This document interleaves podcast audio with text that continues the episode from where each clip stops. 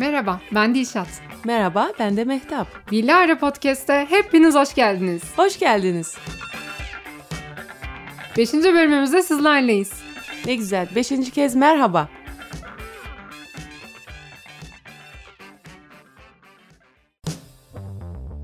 Anneciğim bugün biraz geç kaldık değil mi?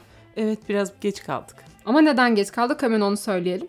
Ee, normalde biz kayıt yaparken herhangi bir problem yaşamıyorduk ama e, bu hafta Apacivan ses kartımız Mojave güncellemesiyle birlikte cortladı. eyvah eyvah buna biz ne diyelim nazar mı diyelim? Yani nazar olabilir bilemiyorum yani teknik bir arıza sebebiyle birazcık geç kaldık. Ee, şöyle oldu. Ee, GarageBand, Logic Pro ya da Protos hiçbiri çalışmayınca biz de bir bilene danışalım dedik ve prodüktörümüze danıştık. evet o danışmadan önce de şunu söyleyelim. Elemtere fiş, kem gözlere şiş. Değil mi hani gözü olanın gözü çıksın ya. yani o da sağ olsun sevgili prodüktörümüz bize e, evdeki home stüdyosunu bağışladı dedi. Hadi girin yazık kıyamam yapın burada kaydınızı diye. E, bugün çok farklı bir ortamdan alışık olmadığımız bir yerden akustiğini falan da bilmiyoruz da artık. Neyse bu şekilde yapalım bu yayını. Deneyeceğiz bakalım. Teşekkür ederiz. Peki anneciğim başlamadan önce yine mesajlarla bir giriş yapalım istiyorum ben ama e, bu hafta mesajlarımız çok azdı ya. Çok üzüldüm. Niye bu kadar azdı acaba? Bence de az olmuş ama az olsun öz olsun. Yok canım az olsun öz olsun. Yok yani şimdi yani dinleyenler bize bir yazsınlar. Çünkü bilmeliyiz yani ne düşündüğünüzü. Sen mesajlardan güzel bir mesaj var. Sen önce onu oku istersen bize. Benim aslında okuyacak e, mesajlarımdan ziyade geçen hafta beni telefonla arayan bir arkadaşım aradı. Arda. Arda tabii e, buradan selam olsun önce onu söyleyeyim. Telefonla aradı beni ve şunu söyledi. O maalesef ilk podcast'in sadece 10 dakikasını dinleyebilmiş. Bunu söyledi tabii. Sağ olsun. İşlerin yoğunluğu nedeniyle çok dinleyememiş ama şöyle bir şey söyledi.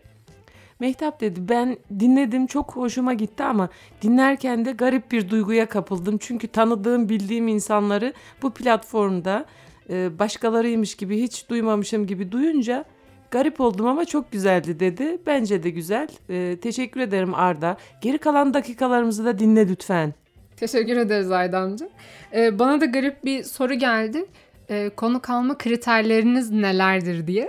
Var mı öyle bir kriterimiz bizim? Aa olmaz olur mu lütfen. Şimdi 10. bölüme kadar inşallah gelebilirsek bir konu kalmayı düşünmüyoruz.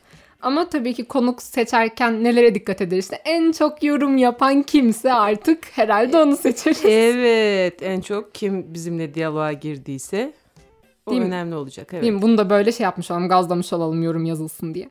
Artık giriş yapalım değil mi anneciğim? Hadi bakalım. Bugün nasılsın annem? Teşekkür ediyorum. Bugün iyiyim aslında. Ama biraz mevsim geçişleri nedeniyle herhalde termostatik bir problem yaşıyorum. Ya kırgınlık mı var anneciğim? Biraz daha bizim anlayacağımız bir dilden konuşursan. öyle öyle kırgınlık. Yani mevsim geçişlerinde bir hafif bir e, soğuk alma gibi bir e, rahatsızlığım var ama atlatacağım. İnşallah atlatırsın anneciğim. Teşekkür ederim inşallah. Dişatçım ben hani biraz kırıklık var dedim ya üzerimde. Bu mevsim geçişlerinin yanında biraz da belki benim hani yaptığım işim gereği hasta sayımızda artış oldu. Özellikle son dönemlerde plastik cerrahi vakalarımızda bir artış oldu. Aa neden anneciğim? Şimdi bunda klinik olarak izlenen, cerrahın da izlediği bir yöntem oluyor. Havanın çok güneşli olmadığı, güneşin dik açılı düşmediği zamanlarda önerilir ki bu kaygılı şeylerde e, güneşin zararlı etkilerini cilt hissetmesin diye. Hmm. Yara iyileşme sürecinde bu önemli şeyler. Hmm, o zaman özellikle böyle estetik ameliyat geçirecek insanlar böyle sonbahar kış aylarını mı tercih etmeli? Yani evet e, hayatta Buna da biraz tabii sosyal olarak dikkat ediliyor. Mantıklı bence de. Ama anneciğim ya benim çok dikkatimi çekiyor. Ya burun estetiği sayısı gerçekten çok arttı ya. Yani her 10 insandan ne bileyim 4'ü 5'i burun estetikli. Bence. Yani öyle tabii ki. Bu bir sosyal kaygı da olabiliyor insanın yaşamında ama e, bana göre çok zorunlu değilse olmamalı. Düşünsene Türkiye Cumhuriyeti'nde yaşayan birçok insanın fiziki yapısına göre nereli olduğunu bile bilebiliyoruz değil mi? Yani tahmin ediyoruz. İşte bir Karadenizliden küçük bir fındık burun bekleyemeyiz. Hmm, çok nadir. Belki işte Batı Karadeniz tarafından olabilir. Olabilir ama işte bunlar kesinlikle karakter özelliğine de yansımış oluyor. Belki de Karadenizlilerin biraz daha burunlarının dikine gidişi büyük oluşundan kaynaklı mı acaba? Valla onu bilemeyeceğim de bu bölümden sonra Karadenizlilerden bir linç yiyeceğimiz kesin anneciğim. yok yok severiz biz Karadeniz'i de, Güneydoğu'yu da, Akdeniz'i de her yeri de ama bunlar göze çarpan özellikler tabii ki. Yani tabii genelde zaten insanlar ilk başta sağlık gibi problemleri olunca burun estetiğine yöneliyorlar. Ama ya bence ruh sağlığı da çok önemli. Yani insan burnunu sevmiyorsa aynaya bakası gelmez yani daha bir güzel burunla kendini mutlu hissedebilir. Hatırla ben bir ara burnuma çok takmıştım. Sürekli estetik yaptıracağım diye dolanıyordum evin içinde. Evet evet ben de anne olarak yavrum bu bir geçiş dönemi beklemek zorundasın kızım dedim ve sonunda iyi ki de bekledik değil mi? Ergenliğine veriyorum kızım dedin daha çok tabii. Öyle. Hatta ben hızımı alamayıp cerrahla falan da görüşmüştüm ve aldığım cevap çok netti ya. Senin burnun etli. Etli burun evet. bu, bu, bu ne demek ya senin burnun etli? Yapılacak işlemin sonuçlarıyla ilgili bir şey bu. Ya işte istediğin gibi minnak böyle şirin bir burun sende çok olmaz dediler yani. Estetik de kurtarmaz seni dediler bana aslında işin açığı. Hayır belki de senin burnun zaten minnak. Sen bunlara takılma dedi. Biz bunu bil bilare konuşuruz anneciğim. Şimdi neyse benim burnumu geçelim. evet. Ee, şu sıralar gündemde olan şey var. Ee, Miss Turkey birincisinin de estetikli olduğu ortaya çıkmış işte bir fotoğraf sonrasında. Bu konu hakkında ne düşünüyorsun anne? Ya nerede o eski Miss Turkey'ler? Miss Turkey'ler evet. Kriterler önemli tabii ki. Yani hep fiziki güzellikle yola çıkılıyor. Tabii o e, Miss Turkey'in kriterleri nelerdir bilmiyorum. Yani sadece fiziki güzellik dikkate alınmıyordur muhakkak ama. Yani şimdi şey diyorlar hani insani değerler falan filan. Ya ne anlayacaksın ki? Karşıdan bakıp ay bunun içi güzelmiştir bunu kraliçe yapayım al taç canım tak böyle bir şey yapamazsın ki. Ama e, yapılan açıklamaları okudum ben sosyal medya çok sallanınca bu olay üzerine. Ne diyorlarmış? Dudakta botoks olanları ya da işte kalça göğüslerde falan estetik olanları hemen elemişler zaten. E, burun estetikleri de genelde sağlıki sebepler dolayısıyla yapıldığı için çok dikkate alınmıyormuş. Hmm. Yani bunun burnu estetik de wow wow wow haram tamam bunu kraliçe yapmayalım gibi bir mevzu yokmuş. Ee, ama ben bilmiyorum ya başarılı estetik ameliyatları gördükçe ben mutlu oluyorum. Diyorum işte ne güzel insan kendini sevmeye başlamıştır böyle diye. Ben çok karşı değilim estetiğe. Ben de karşı değilim. Yani küçük dokunuşlar olmalı ama karakter özelliğini yok saydıracak kadar radikal şeyler olmamalı. O yüzden de ben belki de olaya şöyle bakıyorum. Vücudun da bir altın oranı vardır. O altın oran bozulmamalı. Altın oran önemli. Kesinlikle altın oran önemli. Yani bir de şu, ben şuna çok takılıyorum. Şimdi işte o kızın da herkesin başına gelir. Genelde vardır estetikte birinin estetik öncesi halinin bir fotoğraflarını bulma amacı vardır değil mi? Herkeste bir özellikle stalkerlarda. Bazıları çok titiz çalışır. Bütün eskiye dair fotoğraflarını ortadan kaldırır böyle yok eder. Asla bulamazsın estetiksiz hali nasıl. İşte bazıları da unutur ya da umursamaz. Neydim ne oldum bakın görün yapanlar da olur. Yani bilmiyorum ben yaptırsam fotoğraflarımı temizler miydim? Yani o kadar arada 85 tane fark olacak şekilde bir estetik yaptırmış olsam ben de silerdim herhalde bütün fotoğraflarımı. Peki hala o fotoğraflar dijital ortamda değil de evdeki albümün içinde olursa ne olacak? Ya şimdi dur. Albüm fotoğrafı daha özel geliyor ya, ya bilmiyorum. Işte, evet. Ya asıl yaşanmışlık orada gibi geliyor bana. Bence de öyle. Bunu biliyorsun ben fotoğraf albümlerine bakmak benim için çok apayrı bir keyiftir. Bu sanırım bana rahmetli annemden kalma bir tarz. Albüm çok farklıdır. Albüm düşünsene albümün yapısını. Bir kartonun üstünde jelatinli bir yapışkanlı kağıdın altında anı kutusu. Ve bu ona baktığın zaman neler yaşamışsın, nereden nereye gelmişsin. Mesela senin ilk doğduğun anların fotoğrafları duruyor değil mi? Of evet. Biz onlara baktığımız zaman hep e, direkt hepimizde bir şey. Ay yavrum ya şöyleydin şöyleydin. Şöyle, yani bunu alıp da bakıp yorumlamak çok apayrı özel bir şey ve ben jenerasyon gereği bunu yaşadığım için kendimi mutlu adlediyorum. Günümüzdeki gençlik biraz daha dijital olduğu için bunlardan uzak ve üzülüyorum aslında onların adına. Ya aslında hani tabii ki çağın gereği bunlar. Ya sürekli elimize telefon, e, günde 30-40 tane selfie çekiyorsun. Ya da ya her işini telefonla hallettiğin için fotoğraflarına bakmak istediğin zaman da ya telefondan ya bilgisayardan hep dijital ortamdan bakıyorsun. Tamam yine geçmiş fotoğraflara bakınca duygulan, duygulanmıyor değilsin. Yine duygulanıyorsun Evet. ama yani özellikle böyle eski fotoğraflara baktığın zaman hele de o fotoğraf biraz yıpranmışsa al, alıyor getiriyor beni bu olay. Ama bak bir de fotoğraf albümlerinin bir güzelliği de şu. Ya o albüm sende saklı. Yani senin bütün yaşanmışlıkların hani böyle bir özel. Anladın mı? Hani anladın mı bak? Anlıyorum kesinlikle anlıyorum. Ben şimdi anılara daldım. Hani e, akşam oturmaları olurdu eskiden. Ailelerin birbirine gelip gittiği dönemlerde hemen albümler çıkardı. Sen- evet ya bir de olay vardı. Evet yani küçüklüğünden sen hatırlarsın. E, orada belki de insanların samimiyetlik duygusuyla birbirine ailende olan kişileri göstermek, olayları anlatmak bu bir diyaloğun şekliydi yani. Ve sen hayatına karşıdakini de dahil etmiş oluyordun güzel anılarını. Her şey güzellikle tabii ki değil. Üzüntülü anların da fotoğrafları vardır.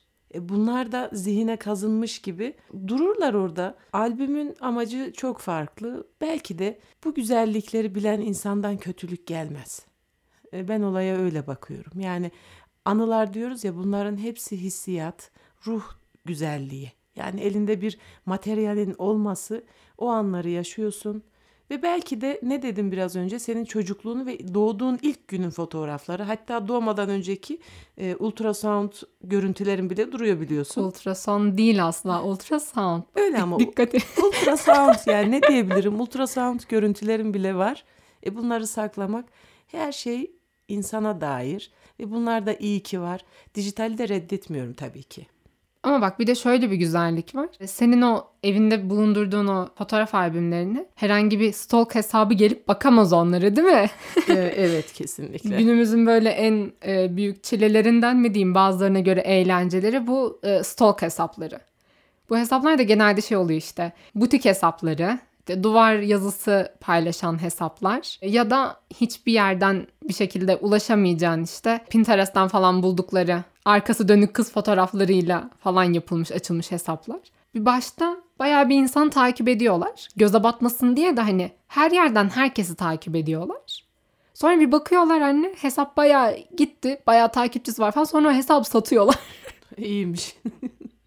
ya bilmiyorum bazı hesaplar çok bağırıyor ben stalk hesabıyım diye de. Bazıları cidden çok iyi yapıyor bu işi ya. Ama halbuki belki de bir niyetini belli edecek bir şeyler yazsa karşıdakinin hayatını görmek istediğine karşıdaki de izin verirse evet yoksa hani bu Ne zorluyorsun tilki- değil mi tilkiliklere yani? ne gerek var yani. Ne gerek var böyle şeylere? Sonra karşıdaki de herkesi kendi gibi sanarak temkinli yaklaşmaya çalışıp samimiyetsiz ortamlar oluyor işte. Boş- Sonra işler çığırından çıkıyor. biz ona bakmayalım. Biz olduğumuz gibi olalım. Karşımızdakini de hep öyle hissediyoruz. Elbette ki yanılgılarımız olacak ama biz yine de insan olalım. Yürekten davranalım ve sevdiğimiz kişilere sarılalım. İnsan... İnsan olalım nedir ama anne? Öyle ama insan olmak önemli. İnsan her şeyin başında insan derken donanımlı vasıflar vardır de olması gereken. Ondan ötürü yoksa hayatta yaşamak değil insan olmak ve içini doldurmak önemli bunların. Zaten sen karşıdakini hissedersin. İnsansa sarılırsın ona. İnsan değilse sarılmayı hak etmiyorsun deyip sarılmazsın. Canım sen insan değilsin. Git şuradan. Öyle öyle yani kırılganlık bu. Şimdi anneciğim bu kadar hani internet stalk falan demişken e, internet yayıncılığına sansür geldi Rütük tarafından. Çarşamba günü yürürlüğe konuldu yanlış bilmiyorsam eğer. Bu benim çok sinirlerimi bozdu. Sen ne düşünüyorsun bu konu hakkında? Ben şimdi bu konu hakkında Rütük bir şey yapıyorsa eskiden Levent Kırca'nın parodileri olurdu. Bunu izleyenler bilirler. Anlamsızca yasak her daim insanı güldürür. Kısıtlamayı getirmenin mantıkları olmalı. Değil mi? Neye kısıtlama getiriyorsun? Şimdi örnek verelim. Netflix, Blue TV, Poo TV vesaire gibi internet üzerinden yayın yapan kanallar artık müdahale edebilecek Rütük. Gerekçe olarak da toplumun ahlaki yapısını zedeleme, değiştirme işte ne bileyim kötüye götürme vesaire gibi sebepler sunulmuş. Yani ben şunu anlamıyorum. En temel yapılan sansürleme argo kelimelere bir de işte sigaraya, içkiye vesairedir. Adam elini götürüyor ağzına değil mi bir şey çekiyor bir duman Evet. çıkıyor. Sen sigarayı sansürledin. Duman nereden çıkıyor abi? Bak dumanın nereden çıktığını düşünerek belki de karşıdakinin zihnini çalıştırmasına olanak ver, veriyorlar belki tabii tabii adamın Dişat. ciğeri yanıyor da ondan çıkıyor zaten o duman. Bu duman nereden çıkıyor acaba? Evet. Aman Allah'ım. yani şimdi sen o sigarayı bulurladın. Ne, ne, ne geçtiğini biz anlamadık mı onun sigara içtiğini ya da işte elinde bardak var. Tamam mı? İçinde böyle sarımsı bir sıvı. Ya belki elma suyu.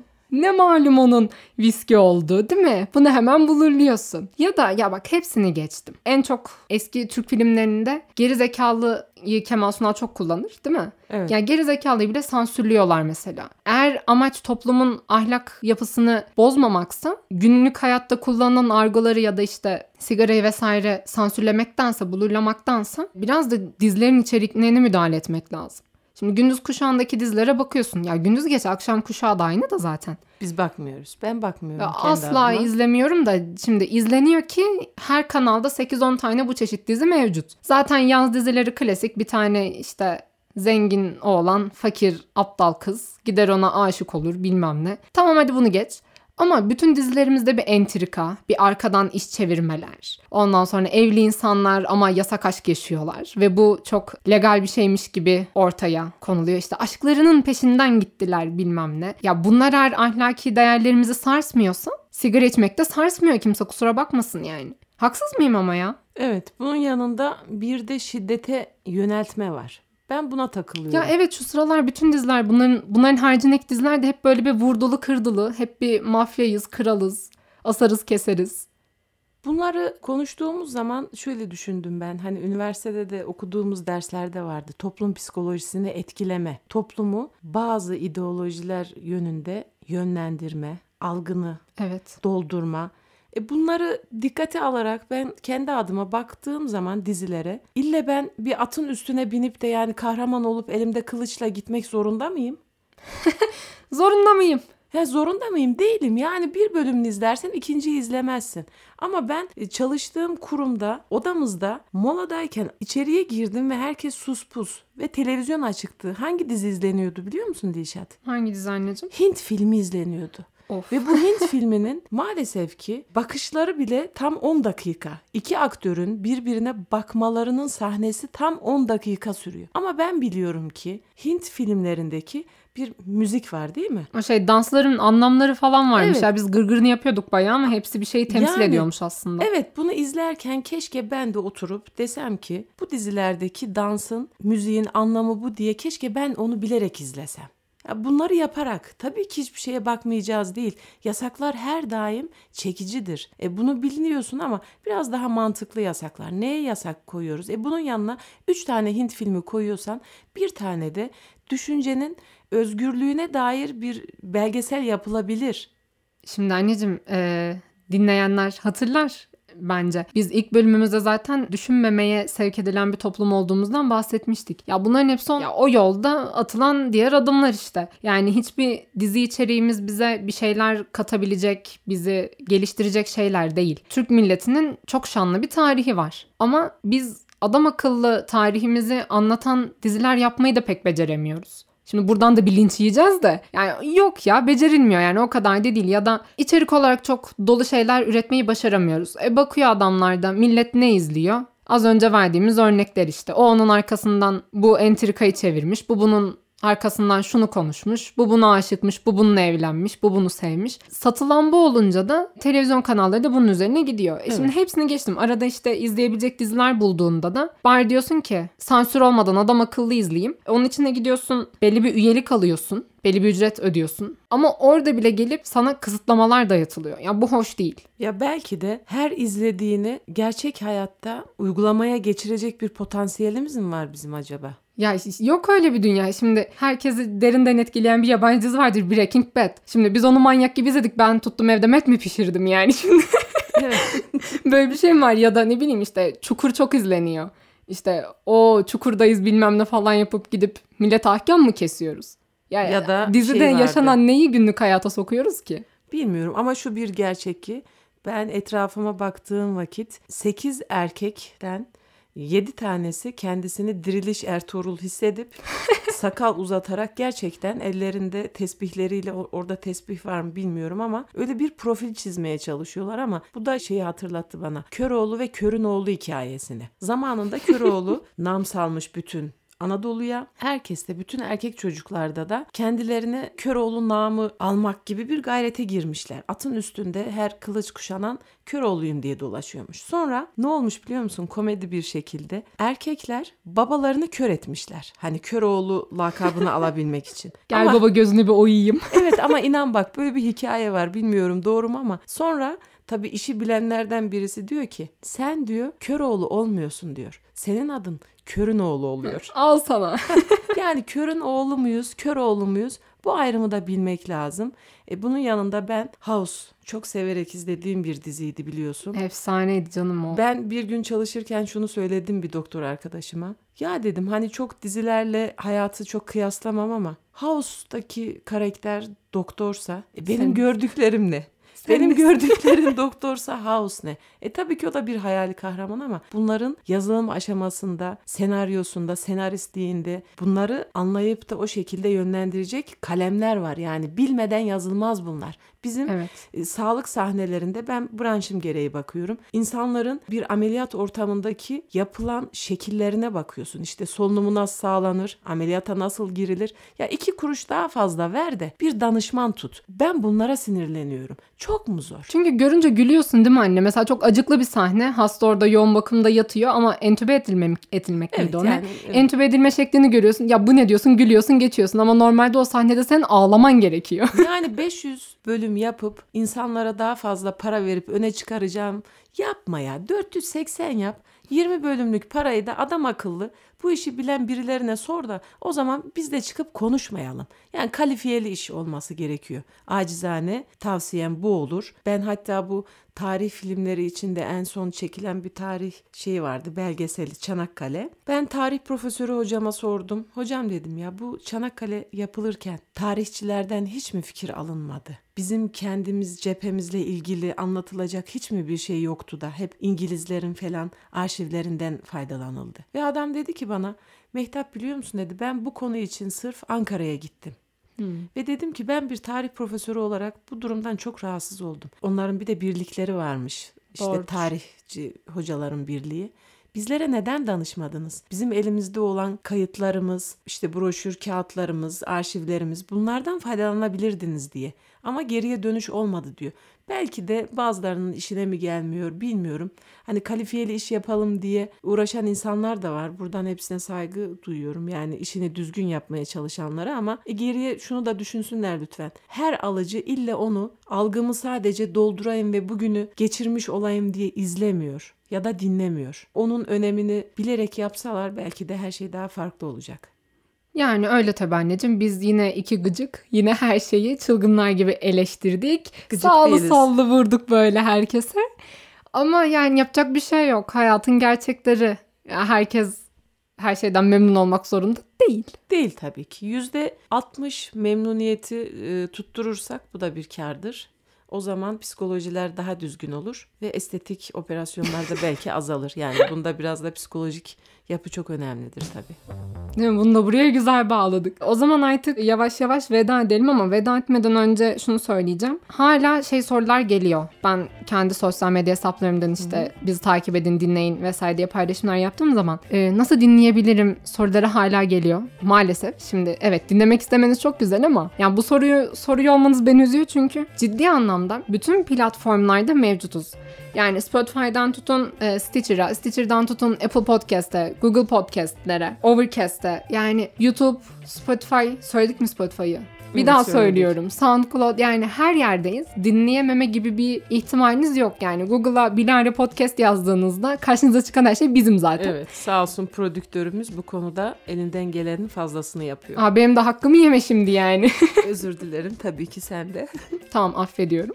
Şimdi biliyorsunuz ki bir blog sayfamız var. bilarepodcast.wordpress.com adresi. Ee, ben bu adres üzerinden podcastlerimize nasıl dinleyeceğinize dair bir yazı yayınlayacağım inşallah birkaç gün içerisinde. Bu sayede daha kolay ulaşabilirsiniz bize diye düşünüyoruz. Her hafta olduğu gibi yine hatırlatalım. Bizi hangi platform üzerinden dinlediyseniz oradan yorum yapmaktan çekinmeyin. Bu hafta yorumlar biraz azdı bu bizi üzdü. Umarım bu hafta telafi ederiz değil mi anneciğim? Kesinlikle evet.